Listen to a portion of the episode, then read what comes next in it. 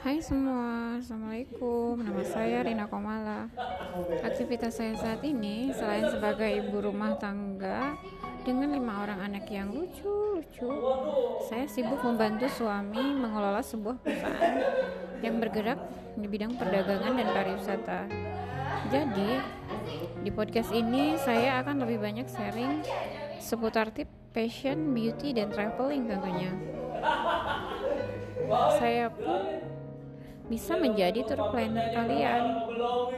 Saya mempunyai sertifikasi profesi sebagai tour planner, tour guide, dan tour leader.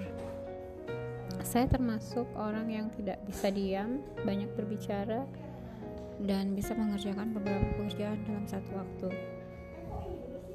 Hobi saya membaca, traveling, dan makan.